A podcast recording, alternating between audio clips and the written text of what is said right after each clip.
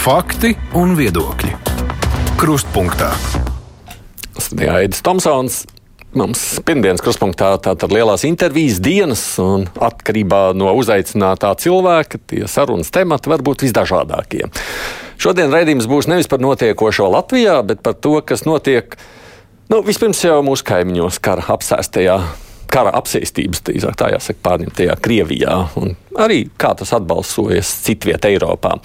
Mana šīs dienas viesņa ir, un es drošības pēc nolasīšu pareizi, Rīgas Tradiņu Universitātes politikas zinātnes katedras docētāja un studiju programmas starptautiskās attiecības un diplomātija vadītāja Elīna Vrobļevska. Labdien! Labdien! Pirmā klausītājiem paskaidroja, ka mēs gribējām tikties jau arī tāpēc, ka Elīna ir savu laiku veltījusi tam, lai analizētu Vladimiru Putinu teikto. Jūs esat sacījis, ka pētījāt viņa runas jau kopš tiem laikiem, kad viņš kļuva par Krievijas, Krievijas prezidentu. Nu, tas jau pirms vairāk nekā 20 mm gadiem. Kāpēc tāda interese par kaimiņu valsts vadītāju? man liekas, man visbiežāk uzdotais jautājums, jautājums. kad cilvēki uzzina, ka es pats. Jā, viss interesē Levits, varbūt te mums šodien pīlēns, te Putins. Um, nu, patiesībā tā interese droši vien dziļi personīgi sakņojas tajā, ka es pati nāku no jauktas ģimenes. Mana mm -hmm. pirmā valoda patiesībā bija krievu valoda, mm -hmm. līdz ar to um, nu, jaukta ģimene runājam gan latviešu, gan krieviski. Līdz ar to es kopš bērnības patiesībā esmu ļoti pakļauta abām informatīvajām telpām, gan krievu valodīgo, gan, gan latviešu valodu šai, šai mēdī telpai. Un jau maģistrantūras laikā sēžot pie kārtējā svētku galda, es pamanīju zināmu izpratnes sakropļojumu par to, kā mēs uh, uztveram dažādus, pasā, uh, dažādus notikumus pasaulē. Labi, Latvijā mēs, mums te var būt uh, dažādi, dažādi traktējumi, bet uh, pasaulē tieši. Un es sapratu, ka mans skatījums ir tāds kategoriski savādāks uh, nekā maniem ģimenes locekļiem, kuri patērē tātad citu mēdīju telpu. Uh, bet tā, tas, tā tā interese attīstījās no sākuma par mēdīju telpu līdz mans uh, maģistra darba vadītājs man ievirzīja daudz specifiskāk dziļākā tādā gultnē, un tā es nonācu jā, līdz Putina runām, līdz, tā, ka es, līdz tam, ka es maģistra darba ietvaros pētīju, kā tad Putins konstruē izpratni par to, kas ir Krievija savai iekšējai auditorijai, ar ko tad Krieviem būtu jāidentificējas, kādi viņi ir, kāda mhm. ir viņu valsts, ar ko viņiem būtu jālapojas, no kā viņiem būtu jābaidās arī tā skaitā. Nu, un tad to es arī turpinu disertācijas laikā, jau vairāk skatoties uz ārpolitiku. Jūs vispār atceraties to laiku, kad Putins kļuva par prezidentu? Nē, bet jaungada uzrunas manās mājās skatījās Putinu. Tas bija, tas bija kā likts. No sākuma mēs noskatāmies Putinu, iedzer pieaugušie šampanieša glāzi stundu iepriekš, un tad ir Latvijas jaunais gads. Būtu jūs dzīvojat tikai Krievijā, tad nozīmē, ka jūs nemaz citu vadītāju nezinātu. Nezinātu Putinu, gan. Uh, bet uh, tā es neatceros, laikam Putins patiešām. Uh, Manā redzeslokā, starp citu, nonāca pēc viņa Mīnhenes konferences uzrunas slavenās.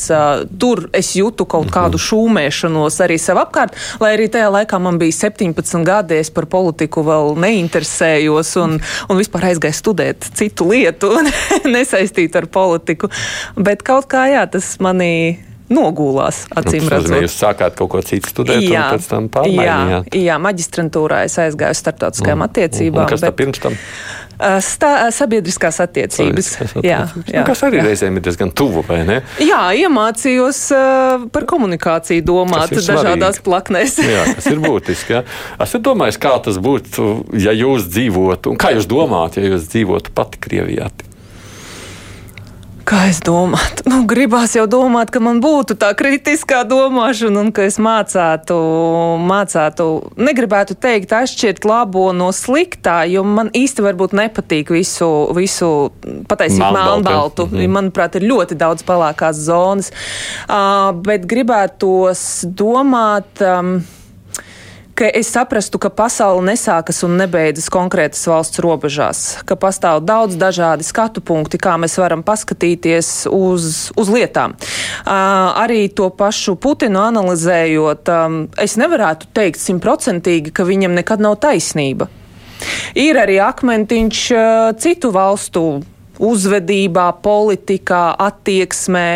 Tā kā es absolūti teiksim, nemālēju pasauli baltu un melnu, un kāds ir slikts, kāds ir ļauns. Protams, ja mēs skatāmies uz konkrētu rīcību, nu, tur ir daudz viennozīmīgāk atbildi par to, ko mēs tīri cilvēcīgi, humanitāri, morāli saprotam ar to, kas ir labs un kas ir slikts. Mhm. Uh, bet, ja mēs skatāmies tādā retorikas līmenī, tad, tad, protams, tur ir daudz palākās zonas. Vienmēr jau nevienmēr jāskatās, kā tur saka, uz vārdiem jāklausās, jā, reizēm jau darbi jā, jā, visu nosaka. Bet jums ir nu, tā sava atbilde, kāpēc viņam tik ļoti izdodas, ja ir izdevies tautu nu, būtībā pārliecināt.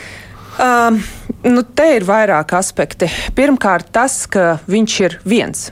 Pa lielam viņš ir viens cilvēks ar kaut kādu ļoti šauru savu ļoti lojālu cilvēku grupu, kurš konstruē šo te realitāti pārējai sabiedrībai. Tātad tas ir tas tās, ko es teicu. Kas mēs tad esam, ar ko mēs identificējamies, kas ir Krievija, kādai viņai būtu jābūt uz nu, tās starptautiskās sabiedrības fona, ko mēs saprotam ar citu valstu grupu fona. -hmm. Jā, ar ko tad mēs draudzējamies, ar ko tad mēs naidojamies, kas ir mūsu, mūsu konkurenti instrumenti. Otrs, protams, ir. Nu, daudz ko mūsu dzīvē nosaka laikam pareizais laiks un vieta. Un jāsaka, ka tādā ziņā te mēs varam ieslīgt konspirācijas teorijās, kuras ir mazāk vai vairāk konspiratīvas, kāpēc Putins parādījās tajā laikā un no kurienes viņu paņēma un ar kādu, kādiem iemesliem vadīti. Bet tā no ārpuses skatoties, viņš atnāca pēc. Uh, ar savu personību viņš atnāca, teiksim tā, pēc mm, tā pēctecība bija pēc pareizā cilvēka. Respektīvi, Jeļcins radīja pietiekoši lielu hausu, lai atnākot Putinam, nu, viņš būtu nu, tāds nu, sakārtotības, mērķtiecības paraugs principā. Un tas arī bija, un tas jau atspoguļojās viņa uh, 99. gada rakstā, pirms viņš vēl kļuva oficiāli par prezidentu, kad viņš vēl bija tā tāds amata, izpi, amata pienākumu izpildītājs, par to, ka viņš skaidri pa punktiem pateica, ka Krievija tagad būs tāda un tāda, mums ir jāvirzās uz ekonomisko izaugsmi, mums ir jābūt konservatīviem, bet konservatīviem ar to, kā to saprot Krievija, kas tas nenozīmē stagnācija, tas nenozīmē neattīstība, bet konservatīvisms tur ir sava izpratne tāpat tās kā par demokrātiju. Lūk, un šis te kontrasts, manuprāt, starp to, kāds bija Jēlcins un kāds bija viņa valdīšanas periods, ar, sākot ar viņa personīgajām īpašībām un uzvedību, un beidzot patiešām ar ļoti izaicinošo ekonomisko situāciju, un, un viss ir sabrucis, un kā cenšamies draudzēties ar rietumiem, bet tur tā kā īsti nesenāk tās vērtības un tos modeļus salāgot ar to, kas notiek Krievijā. Nu, visas šīs peripētīs patiesībā nāca Putinam par labu, ar to, ka tā bija laba bāze, uz kuras būvēt viņa tādu pragmatisku un konstruktīvu pieeju pie tā, kādai jābūt Krievijai, un uz ko viņai būtu jāiet, un uz ko, būtu, uz ko jāvirz sava attīstība. Līdz ar to tas ir tas, man liekas, pareizais laiks un, un pareizā vieta atnākt tādam cilvēkam, jo ir ļoti liels kontrasts, ir pret ko salīdzināt. Tā, šitien mums bija bardaks, un te mums atnāk kārtība. Un tas deva ļoti, ļoti labu pamatu, uz kā Putins tālāk arī dzen būvēja patiesībā šo savu narratīvu par to, ka es visu sakārtošu. Man no sirds patīk viņa lielās ikgadējās intervijas, kad zvana uh, vecmāmuļas un skolotāji no dažādiem uh, Krievijas reģioniem. Mums skolā nav apkures, vai jūs varat kaut ko izdarīt lietas labā? Jā, es tūlīt sazināšos, kas jūsu tur vietējais tas pārvaldnieks. Es tūlīt pēc intervijas viņam pazvanīšu, jums viss tiks sakārtots. Nu, šis ir tik fantastiski, man liekas, kā var radīt to ilūziju, ka viens cilvēks var būtībā tā kā tāds namsaimnieks apsaimniekot šo te milzīgo teritoriju, kura nu, nav apsaimniekojama. bet Lukašenko jau to pašu priekšstatu dara, vai ne? Jā, bet mērogi pavisam savādāki. Pavisam savādāk. Bet mums jau arī tās ilgas ir šis viens, kā jūs teicāt, vai ne? Ka mums jau gribas, mēs paskatāmies, un mums ļaudis raksta, paskaties, kā Lukašenko, paskaties, kā Putins saka un izdara. Mums ir arī gribas. Ir Jā, kārtība. ir kārtība. Bet tas nav noliedzams, ka autoritatīvos režīmos vai pie zināmas varas vertikāls patiešām ir liela lielāka kārtība. Tā patiešām ir. Bet tur ir viens bet, ko mēs redzam arī Putina, nu, kas man liekas visvairāk atspoguļojas. Um, pašreiz. Uh, konstruējot šo zināmo pasaules izpratni, uh, tu pats paliec par upuri tai savai konstrukcijai. Tāpēc, ka tev nav neviena, kurš tev pateiktu pretējo. Tev nav neviena, kurš tev oponētu. Līdz ar to tas, ko tu pats iegalvo citiem, tu kļūsti par daļu no tā, tu dzīvo tajā. Līdz ar to lielā mērā tu neredzi realitāti. Un šeit es nerunāju par, par tām konspirācijām, kas bija kara sākumā 2022. gadā par to, ka Putins ir sajūtis prātā un viņam nav saķeris ar realitāti. Es domāju, ka tas tā nav, bet zināmā mērā viņš ir kļuvis, es domāju, par upuri pats savam pasaules konstruktam, par to, kas notiek pats savam traktējumam par to, kas notiek pasaulē, cik liels apdraudējums ir Krievijai. Atkal, tāpēc, ka nav opozīcijas, tur jau ir tā, nu, tā sāls vai tā burvība demokrātijā, ka ir vienmēr kāds cits spēks, kas tevi tā kā izčeko. Mm. Piebremzē, pasaka, tā, tagad šis nē, šis neies, tagad mēs darām muļķības, šādi rīkoties nevajag. A, ja tev nav šī līdzsvara, no opozīcijas vai kaut vai no kāda tavā tuvāko cilvēku grupā, kurš tev var pateikt, klau, bet varbūt mēs tomēr tā nedaram, tad viss tajā brīdī ir stabili, bet var sanākt arī ļoti liels nepatikšanas. Atgriežoties vēl mazliet pie pašiem pirmsākumiem, galu galā es atceros tos laikus, kad Ģeļķins taustījās, pamēģināja vienu premjeru atkāpās, otru premjeru atkāpās, kamēr viņš nonāca līdz Putinam, un viņš, Putins viņu spēja pārliecināt. Bet arī tajā laikā, un joprojām es domāju, nu, es saklausīju jūs teiktajā skepsi par to, sakot, nu, Tur bija nu, tāds milzīgs viņam atbalsts uh, Čečenija uh, un būtībā karš un tās saspridzinātās mājas Maskavā. Jā.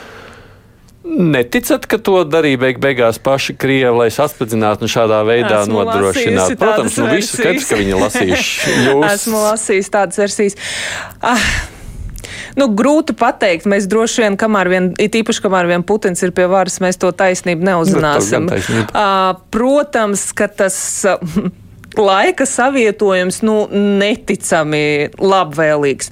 No otras puses, mēs nevaram izslēgt arī iespēju, ka vienkārši Putins mācīja to ļoti veiksmīgi izmantot.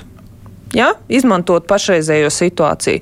Ja mēs runājam par Jeļcinu tieši tā, kā jūs sakat par to, kā viņš taustījās visādi, Putins jau patiesībā uh, priekš daudziem uznira ne no kurienes. Mm -hmm. Viņš nebija Jēlcina tuvākajā politiskajā lokā. Viņš bija outsiders pilnīgs. Viņš, viņš pat fiziski nebija, manuprāt, līdz īsa brīdi pirms viņš pat nebija Krievijā. Viņš bija savā darbā, Vācijā. Uh, savā darbā Vācijā. Mm -hmm. uh, līdz ar to, nu, tur, protams, uh, no manas puses laikam lielāka ticamība par to, kurš tad Putinu ievirzīja šajā tā brīža politiskajai elitē. Protams, jautājums par to, uz ko, uz kā padomiem Jeļcins tajā brīdī balstījās, ko viņš klausīja, jo arī tīri personīgi, manuprāt, visi redzēja, ka privātajā, teiksim, dzīvē ar alkohola problēmām, ar visu viņa lēmumu pieņemšana bija liels izaicinājums, mm -hmm. it īpaši patstāvīga lēmumu pieņemšana.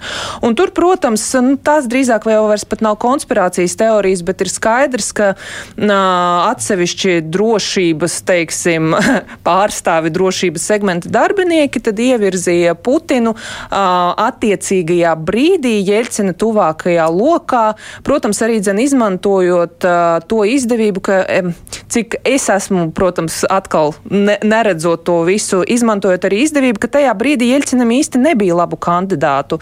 Ar daļā viņš bija vīlies, ar daļu viņš bija sastrīdējies, jo līdz pat, manuprāt, 90. gadu vidam, varbūt nedaudz otru pusi Ņemcovs bija. Viņa numur viens labā roka, un tad, kad Ņemcovs uh, pazuda, tad no šī, te, no šī te tuvākā loka nu, tas atstāja patiesībā tukšu vietu, ko aizpildīja. Mm -mm. Es domāju, uz ko tālāk man iet. Ja tā vispār mazliet pirms paējam tālāk cauri vēsturei, jautājot par to, ko Putins saka vairāk nekā 20 gadus nu, mums daļai šķiet, ka nu, viņš jau ir tik klajš mēlis. Ir jēga vispār klausīties un analizēt tam, ko viņš saka. Ir. Jo.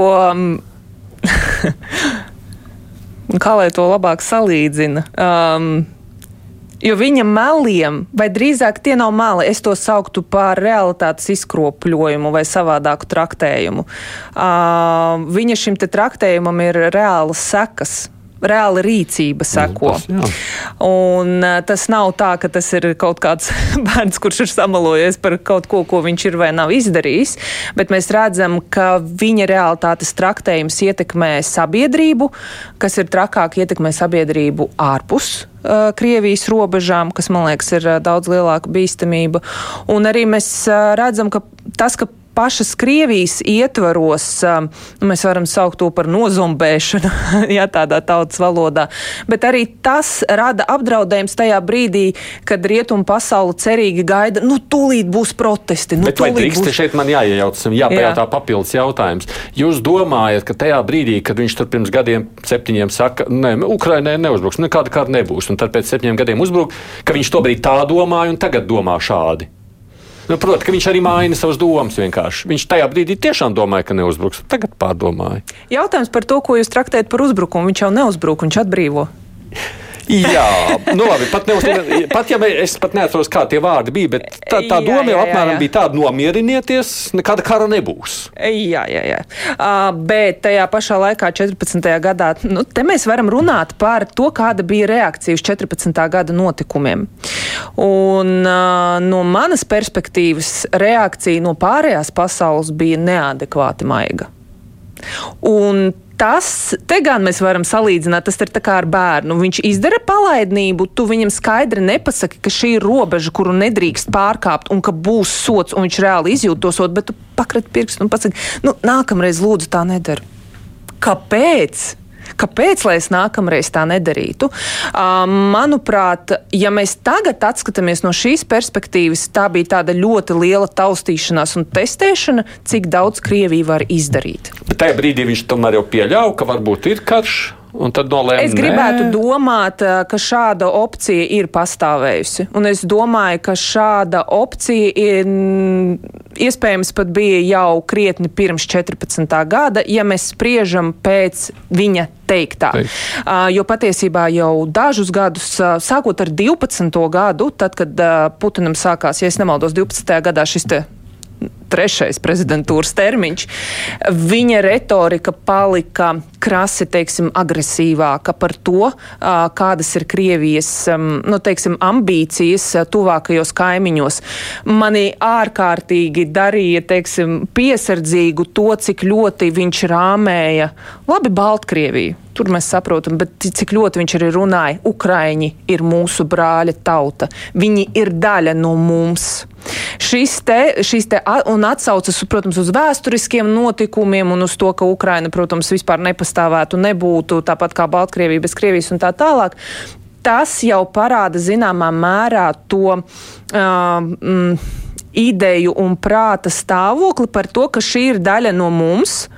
It kā vērtību ziņā, tradīciju ziņā, ja mēs piesaistam, bet tīri de facto tā ir tagad kaut kāda atsevišķa valsts kura turklāt domā par integrāciju Eiropas Savienībā, par pievienošanos NATO. Nē, nē, nē, disonance rodas. Kā es varu rāmēt Ukraiņus kā savējos un Ukraiņu kā daļu no Krievijas vēsturiskā mantojuma, ja viņi tagad taisās iet kaut kur citur? Mm. Jā, tas, tas nedara.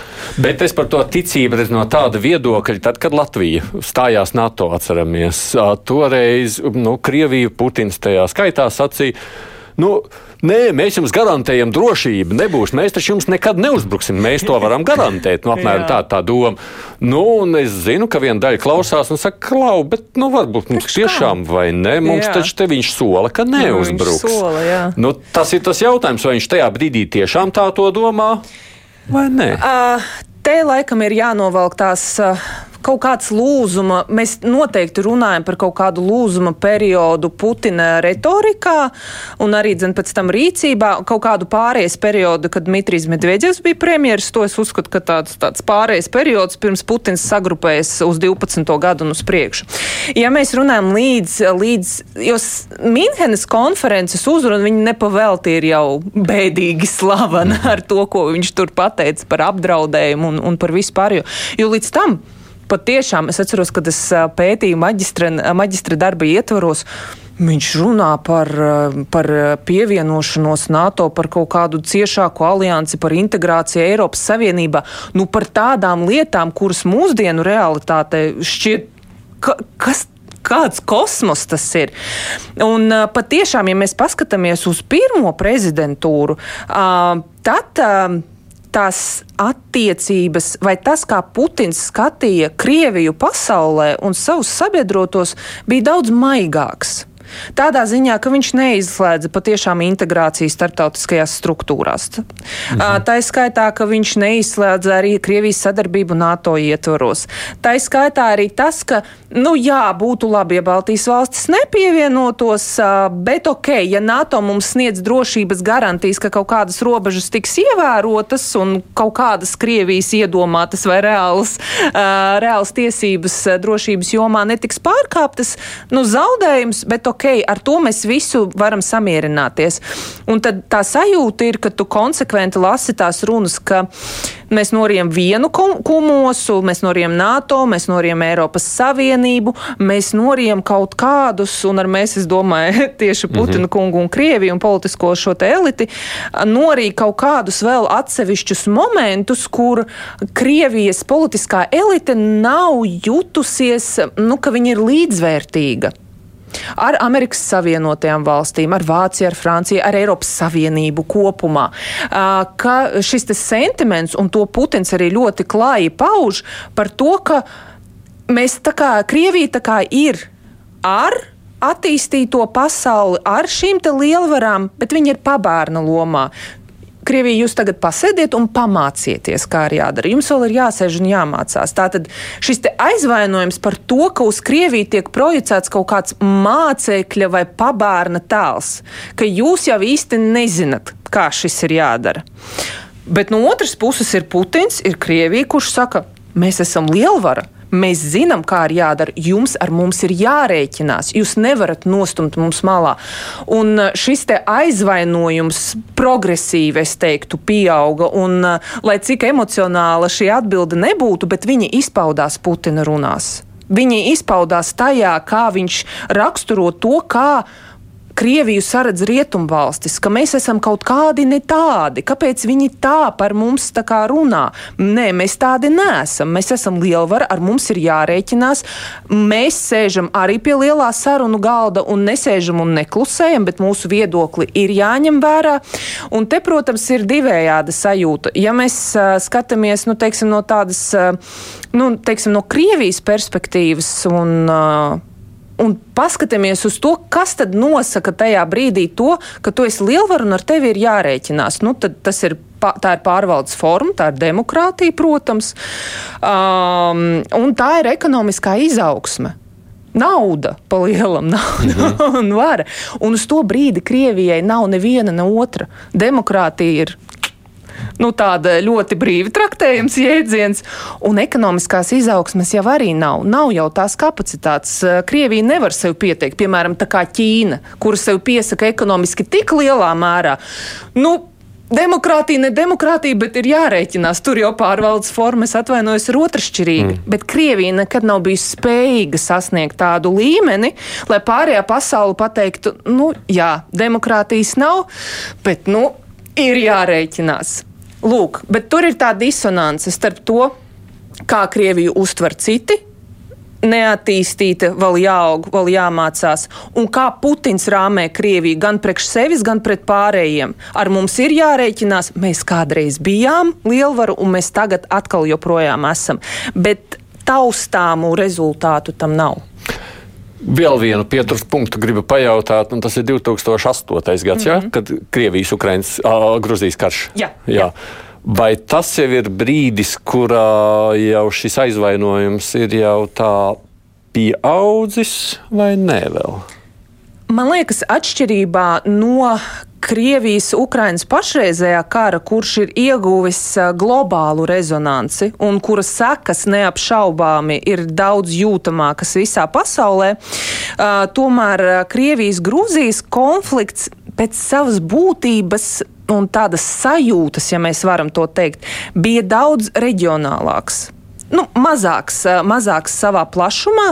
Līdz ar to no Krievijas perspektīvas to vairāk mēs varam skatīties patiešām reģionālo interšu ietvaros, kur Krievija tā kā savalk savas robežas un tā kā parāda um, galvenokārt jau patiesībā Eiropas Savienībai un, un, un šim te Eiropas, teiksim, Eiropas, lielajām, Eiropas Savienības lielajām dalību valstīm un Eiropas flangam, ka te ir kaut kāda robeža robežu. Tas, manuprāt, nebija tik lielā mērā stāsts par Amerikas Savienotajām valstīm, kuras vienmēr ir bijis lielākais ienaidnieks. Jo atkal, ja mēs paskatāmies uz Putina retoriku, tad jā, viņam ir šis apzīmējums rietumvalstis, bet tad apmēram pat vairāk nekā 50% gadījumu uzreiz ir komats. Un tad tā Amerikas Savienotās valstis, ja, kuru principā Putins šo pasauli uztver, ka Amerikas Savienotās valstis ir tas leļu meistars, kurš visus, visus Eiropā un visus pasaulē nu,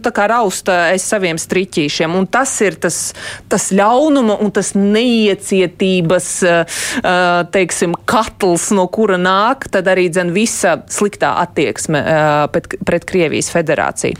Līdz ar to, jā, tādā ziņā es teiktu, Krievija, Grūzija, es neteiktu, ka tā bija ka tā bija iesil, iesildīšanās kaut kādā mm. mērā, bet tas bija savādākā kontekstā skatāms nekā Ukraina. Arī dēļ fiziskās attālinātības.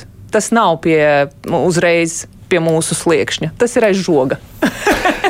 nu, labi, atgādinu tikai klausītājiem un skatītājiem, eh, ka mums šodien ir lielā intervija un man sarunas uh, viešņa ir Rīgas Traģiņu universitātes docētāja īsumā Elīna Vrabļevska. Raidījums Krustpunktā. Domājot par savukārt vēl vienu telpu, kas ir mediju telpa, tas, ko pilnīgi droši varēja redzēt, nu, ka viņš ļoti ātri uh, ķērās pie mediju telpas pakļaušanas. Mm.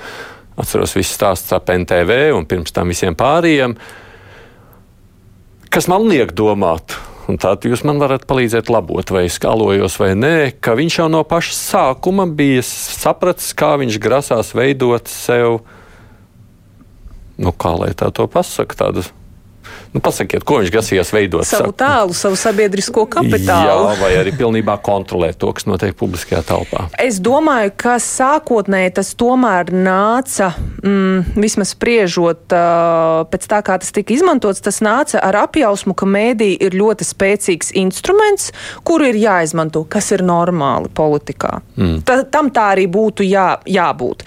Ka mēdī ir būtis, burtiski tas mediātors, caur kuru Putins nodos savu ziņu plašākajai sabiedrībai. Ar to viss ir kārtībā.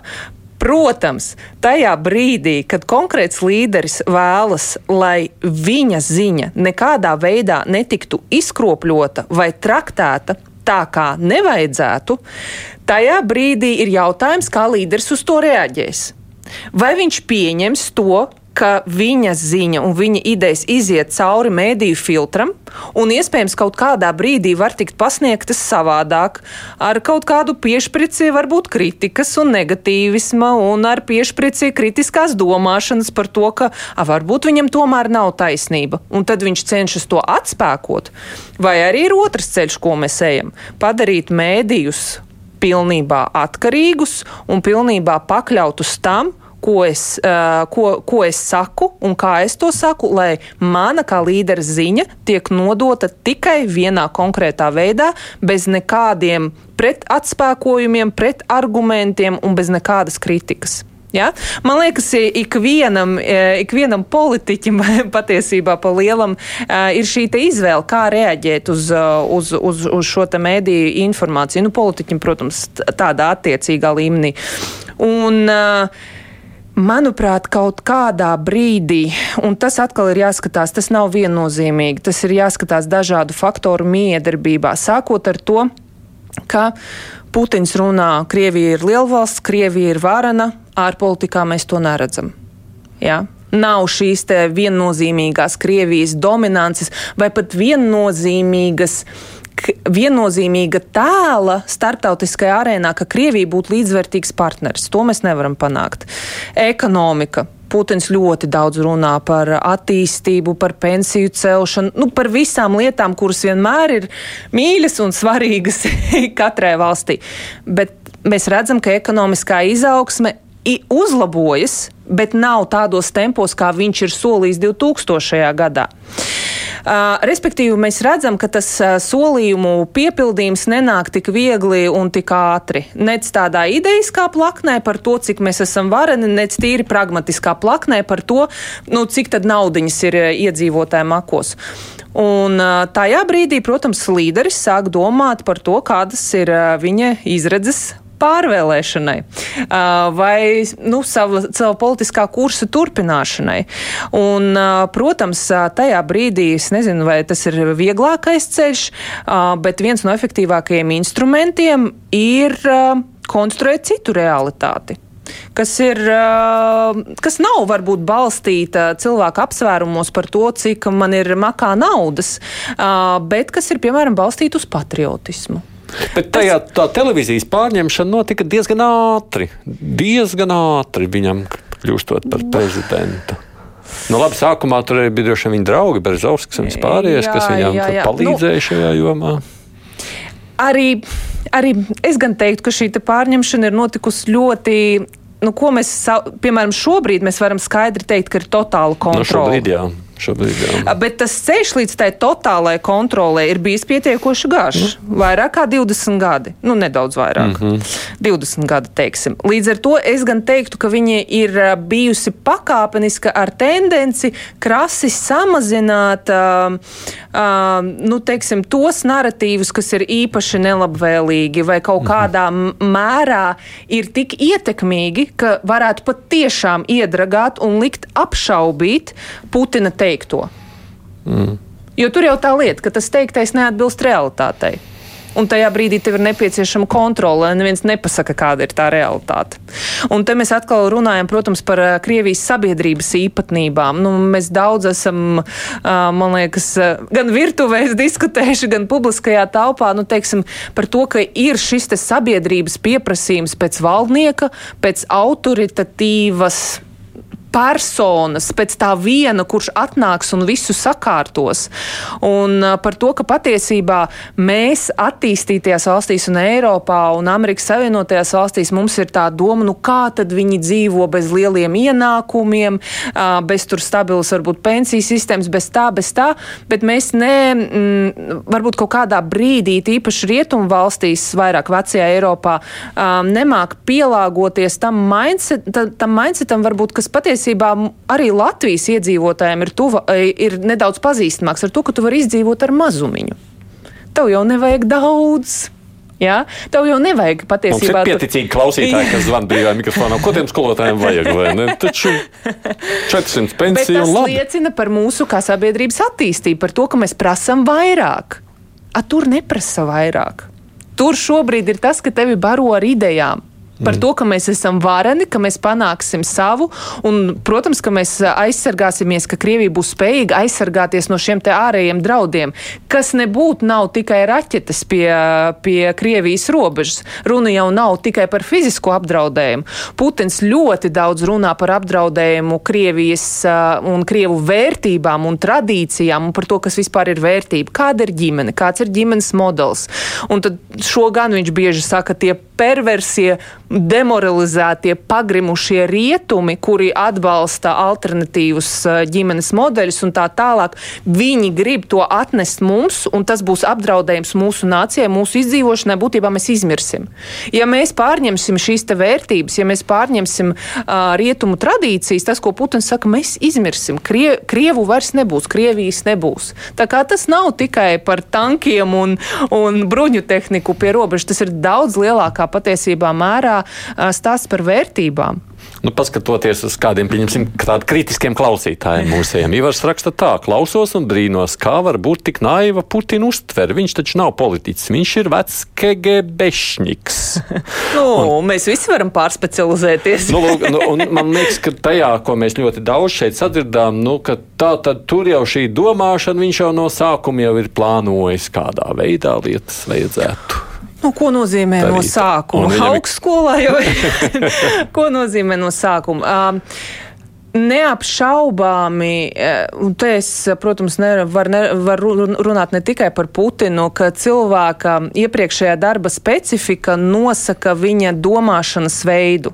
Ja? Nu, teiksim, kas tu esi par cilvēku? Kādā veidā tu domā, kādā veidā tu plāno lietas uz priekšu, bet šeit daudz lielākā mērā viņa KGBšņika pagātne ir atspēlējusies tajā, kas ir viņam pietuvinātie un kas ir bijuši viņa tuvākie un šī politiskā elite, un uz ko tad viņš balstās pieņemot savus lēmumus. Ja? Un kas tad viņu ir dabūjuši tur, kur viņš ir tagad? Mm. Uh, tā kā šī um, VDK pagātne pilnīgi noteikti, pilnīgi noteikti ir nākusi viņam par labu kaut vai ar to, ka viņš tagad ir tur, kur viņš ir ka viņš tur ir dabūts iekšā. Un, protams, es domāju, ka tas ir arī bijis viņa rokās kā vērtīgs instruments, jo par to daudz tiek runāts, par to, kā viņš ir savaldījis dažādas konkurējošās grupas Krievijas ietvaros. Jo tā bija arī starp daudziem citiem izaicinājumiem viens no Jeļcina galvenajiem izaicinājumiem. Jo Krievija nekad nav bijusi iekšēji vienota, un te mēs nerunājam par partiju dažādību, bet mēs šeit burtiski runājam runājam par kardināli dažādu interešu dažādību, sākot no tā, ka mums ir jāintegrēs Eiropas Savienībā un vispār jālīdzinās rietumiem un, un jābūt paklausīgiem un jāmācās demokrātija un liberālisms. Un beidzot ar to, ka mums ir jāiet uh, krusta gājienā, atvainojos pret visu pasauli un pret visu, kas nav krievisks un kas nav Krievija. Es neteiktu, ka Putins. Uh, ka viņš patiesībā pat ir nonācis šī spektra tajā pusē. Uh, jo ļoti daudz arī, dzen, uh, tad, kad viņš veica arī izmaiņas konstitūcijā un pagarināja prezidentūras termiņus un, un, un, un tika runāts par to, nu, ka ir vajadzīga maiņa, ka tas nav normāli, uh, ļoti daudz arī politikas eksperti no Krievijas teica, bet vai jūs esat pārliecināti, ka Putina vietā atnāks kaut kas labāks? Kāpēc jūs domājat, ka viņš ir tā gala pietura? Ka tas ir pats sliktākais kas, no tās izvēles, kas šobrīd ir politiskā elitē. Priekš mums no ārpasaules tā izskatās, uh, bet uh, iekšpolitiskie paskatās. Uh, Tāpat tās ir šie te, tie paši drošības grupējumi, kuri ir daudz radikālāk noskaņoti un kuri nu, cik mēs varam spriest, arī šobrīd nav apmierināti ar to, kā tiek vests karš un ka nav šo panākumu. Nu, labi, mēs nonākam pie. Es mazliet šķiroju savā galvā šobrīd, ko es varu vēl paspēt pajautāt un ko vairs nē, un ko droši vien tomēr arī nejautāšu, jo laiks ir tik, cik mums ir. Bet par šo drošību runājot. Nu, vismaz no tāda skatu punkta, kā tad ir, izskatās, ka viņam ir jābaidās par savu drošību šobrīd. Krievijai. Jā, nē, es domāju, Putinam. Ah, Putinam. Putinam. nu, skatoties, cik daudz viņam tie dubultnieki. Uh, bet... nu, ticat dubultniekiem. Starp citu, nu, pagājušā nedēļā, tātad pirms dažām dienām, Vācijas laikraksts bildi, jā, žurnāls mm. bija veicis tādu ļoti, nu, tādu nezinu, nu, cik no bildes var taisīt analīzi, bet tur visām bildēm, kurā vietā tur kas tur ausis jā, jā. un kā tur deguns un vispār operācijai. Jūs, cilvēks jā. ļoti labi izskatās priekš saviem jā. gadiem. Jūs neticat tam dubultnieku sadaļai? Um, ja, kad viņiem ir aktieri, kas piepalīdz vismaz kādos konkrētajos gadījumos. E, es neticētu tam, ka uz publiskiem pasākumiem uh, viņš sūtītu kādu citu. Bet kā lai, un šī ir lieta, ko daudz nespēja salikt kopā, un ko, starp citu, Krievijas opozicionāri saka, nu, mm. ka viņi sāk ticēt šim dubultnieku mm -hmm. stāstam. Jo mēs redzam pietiekoši daudz liecības arī aizbēgušos no viņa, piemēram, FSB, tā, tā mm. intervija, ka viņš stāsta, ka tur visiem obligāti jāsēž tajā karantīnā, un visi zina, ka nevar piekļūt pie Putina. Un tāpēc viņš vienā dienā aizbrauc, visiem Mariupolā pastaigā, rokas pasniedz, aprunājas ar tautu, un atkal visiem jāsēž karantīnā. Kā to lai saliek kopā? Es domāju, tās ir rūpes par drošību. Uh, jo, ja mēs runājam no tīri personīgā viedokļa, tad uh, nu, no viņa kā personas viedokļa, es domāju, ka viņa uh, drošība, protams, viņš, viņš nav drošībā. Es domāju, ka. Un tad viņš brauc pie Toyotas vai ne pie stūres pa Mariupoles ielām naktī. Nu, jau, Viens pats. Jaut naktī turklāt. uh, bet jautājums, cik ilgi viņš tiešām tur brauca? Vai viņš brauca tās desmit sekundes, ko mums parādīja, uh, vai viņš brauca no Maskavas līdz Mariupolē? Tā kā tas arī viss, uh, kā mēs to rāmējam un cik daudz mēs, protams, parādām. Bet nu, Putins jau ir nu, šaumens tādā ziņā. To gan es spilgti, spilgti atceros. Bija viņam periods, kad viņš rādīja, cik viņš ir spēcīgs un fiziski izveicīgs, kā makšķerē, kā jāja ar zirgu, kā ar lāci cīnās. kā, nu, parādīt šo savu spēku no, no fiziskās perspektīvas. Kāpēc jūs neticat, ka viņš varētu kādam uzticēt tikties ar citiem? Nu, te mēs varam uz viņa VDK pagātni varbūt atsaukties, un man tāda sajūta, ka šis ir cilvēks, kuram patīk kontrolēt un uzticēt to kādam citam, tikties ar kādu. Tā ir pārāk, pārāk liels kontrols zudums. Ja? Es neizslēdzu, ka viņam, es domāju, es tā pieļauju ka viņš nav vienīgais pasaulē, kuram ir kāds līdzinieks, kuru var tā nofotografēt kāpju mašīnā vai nu, tā, tādās situācijās. Bet uzticēt, veikt uzrunas un parādīties publiski, man negribētos ticēt. Es, būšu, es būtu pārsteigta, ja tas kādreiz atklātos, un ka man tiešām noliktu priekšā pierādījums, ka nu, nofočētu viņus visus un pateikt, ot, rekur, pieci puri, Putina varianti, un viena mauss ir tāda, otram tāda un trešam tāda ļoti gribētu zināt. Labi, nē, vienkārši argumenti, protams, katram ir Jā. savi, kāpēc viņi uz vienu vai uz otru pusi skatās, bet nu, mēs redzam, viņš beig beigās taču kaut kādā mirklī uzticējās Medvedjevam, ļauj viņam četrus gadus kļūt par prezidentu. Nu, š, šī manā skatījumā. Eh, te es atkal citiem labprāt, labprāt jautāju, nu, kas tas bija? Kāpēc tā? Jā. Vai tā bija tāda ilgtermiņa kalkulācija, ļaut no manis atpūsties, bišķīt, lai pēc tam konsolidētu savu varu vēl garākā laika posmā, un tā, nu, kā krievi teikt, štub nevirņikā. Un Medvedevs jau arī varēja uzmest. Bet Medvedevs bija ārkārtīgi liberāls.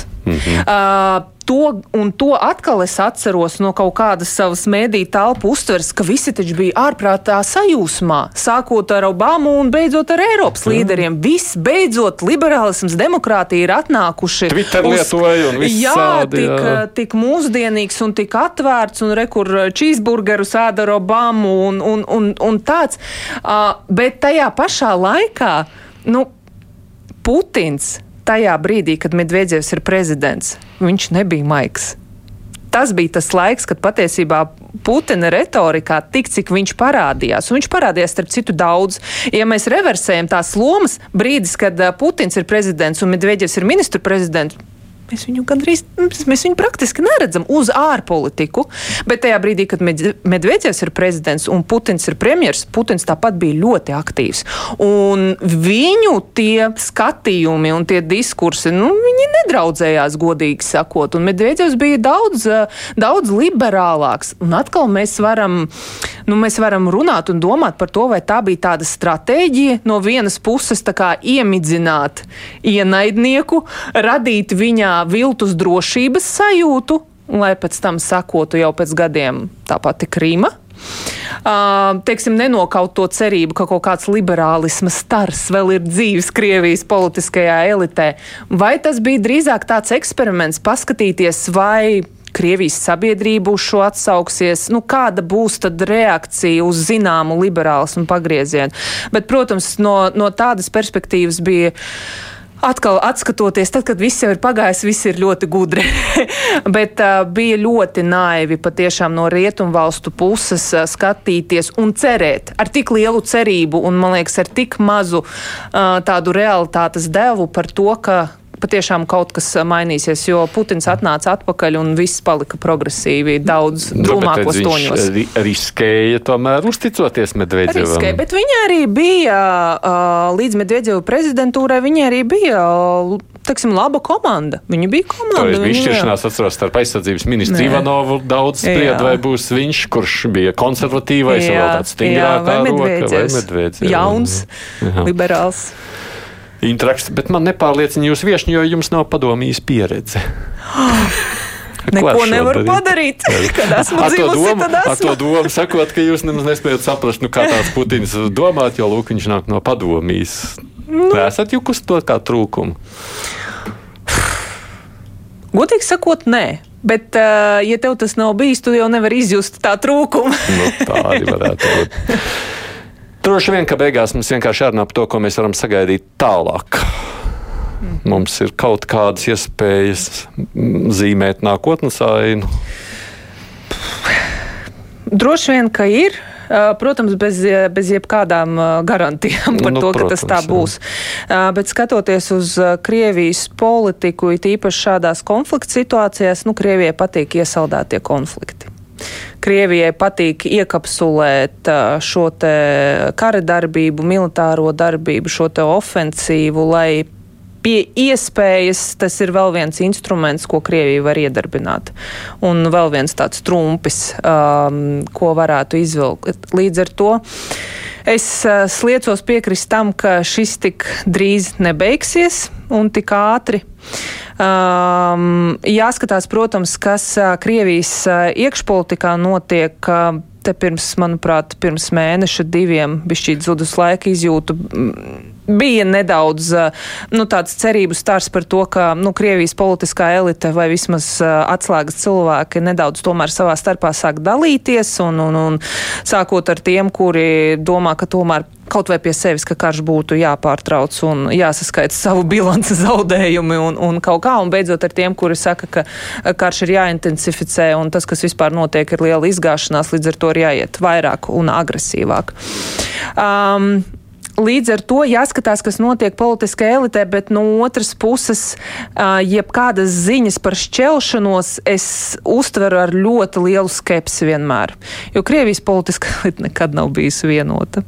Un man liekas, gluži kā kara sākumā, kad mēs manuprāt, tīri cilvēcīgi meklējām kaut kādus izskaidrojumus, kāpēc tas notiek. Viņš ir traks. Viņš noteikti patiesībā nemaz nezina par karu, vai viņš tūlīt nomirs un tāpēc viņš iet uz visu. Mēs cenšamies racionalizēt, kāpēc kaut kas tāds notiktu, jo nu, mēdīja jau arī tur aiz mēdījiem arī stāv tikai cilvēki. Uh, bet līdz ar to es ļoti skeptiski, lai nav tā, ka tas ir tāds wishful thinking, ka mēs uh, kā, ļoti vēlamies kaut ko un tāpēc padaram to, to par realitāti. Uh, līdz ar to es domāju, ka Putins kopumā diezgan veiksmīgi joprojām spēja to visu, visu bildi noturēt. Un, un ilgtermiņā? Pagaidām izskatās, ko mēs sakam, ko mēs domājam ar ilgtermiņu. Protams, ka nu, tā ir vēl viena bēda nu, mums, mums tā ir laime. Tajā pusē Krievijā tā ir bēda. Tādos vienpersonīgos režīmos ir tas, kas nāks pēc tevis. Ja? Ar Putinu pa lielam viss arī beidzas. Ja? Līdz ar to daudz kas ir piesiets viņa ilgmūžībai un ilg, ilgdzīvošanai. Bet valsts pat par sevi un sabiedrība, nu, tas attīstības jautājums jau kādā brīdī varētu kļūt aktuāls arī valstī. Varētu, bet šobrīd izskatās, ka tomēr Krievija spēj sevi uzturēt un izdzīvot. Galvenokārt jau tāpēc, ka viņa nav izolēta. Viņa nav pilnībā izolēta. Viņai ir Ķīna, viņai ir Indija, un ļoti daudzas attīstības valstis, kur Krievija iestājas kā čempione, kā aizstāve un saka, ka rietumvalstis patiesībā turpina šo koloniālisma tradīciju tikai caur savādākiem instrumentiem, un Krievija būs tas glābējs, un daudzas valstis to patiešām tā uztver. Jo patiesībā tas ir tā, ir tā loma, ko Krievija jau kopš augstākā kara laikiem ir kultivējusi, piemēram, apvienoto nāciju orga, organizāciju ietvaros, ka Krievija aizstāv un tā kā pastāv par mazāk attīstīto valstu interesēm. Līdz ar to viņi šīm valstīm var par zemākām cenām, bet, piemēram, tirgot savus dabas resursus, piemēram, kā tas ir Indijā. Mm. Jā. Bet šajā kontekstā ir viens līdz ar to ļoti būtisks jautājums, kas notiek situācijā. Ja Ukraiņi tomēr izspiež Krievus ārā no tām teritorijām, kur šobrīd Krievija ir ieņēmusi Ukrainā, kas tad notiek? Grūti patiesībā iedomāties jā, jā. šādu situāciju, jo pirmkārt tam būtu vajadzīgs daudz, daudz lielāks rietumvalstu atbalsts nekā tas ir šobrīd. Jo skaidrs, ja šobrīd tas atbalsts būtu tik ļoti pietiekošs, tas jau būtu noticis. Nu, um, akumulē šobrīd jau visi saka, ka akumulē. Nu, akumulē. Uh, protams, mēs nekad līdz galam, uh, izņemot tās informācijas druskas, kas nonāk pie mums caur mēdījiem, uh, mēs līdz galam nekad nezināsim, kāda ir patiesā militārā situācija pašā Krievijā. Nu, cik daudz viņiem ir reāli uh, rezervi, cik daudz tanku, cik daudz raķešu vēl ir palicis. Nu, kā, kā, kas ir ar to reāli, cik ilgi viņi var turpināt šādā tempā? Nu, atkal paskatoties atpakaļ, manuprāt, kara sākumā daudz, nu, tur pusgads, nu, tur, nu, tur gads, bet mēs jau šobrīd valkam pāri gadam. Jā. Lai nav tā, uh, kā bija ar Krievijas dabas resursiem. Tūlīt viņiem viss beigsies. Tas tūlīt bija pirms 20 gadiem. Jā, nu atkal ļoti racionāli skatīties uz šo situāciju, un atkal es atkārtošos, Krievijai patīk šādi konflikti. Viņu uh, interesēs ir noturēties.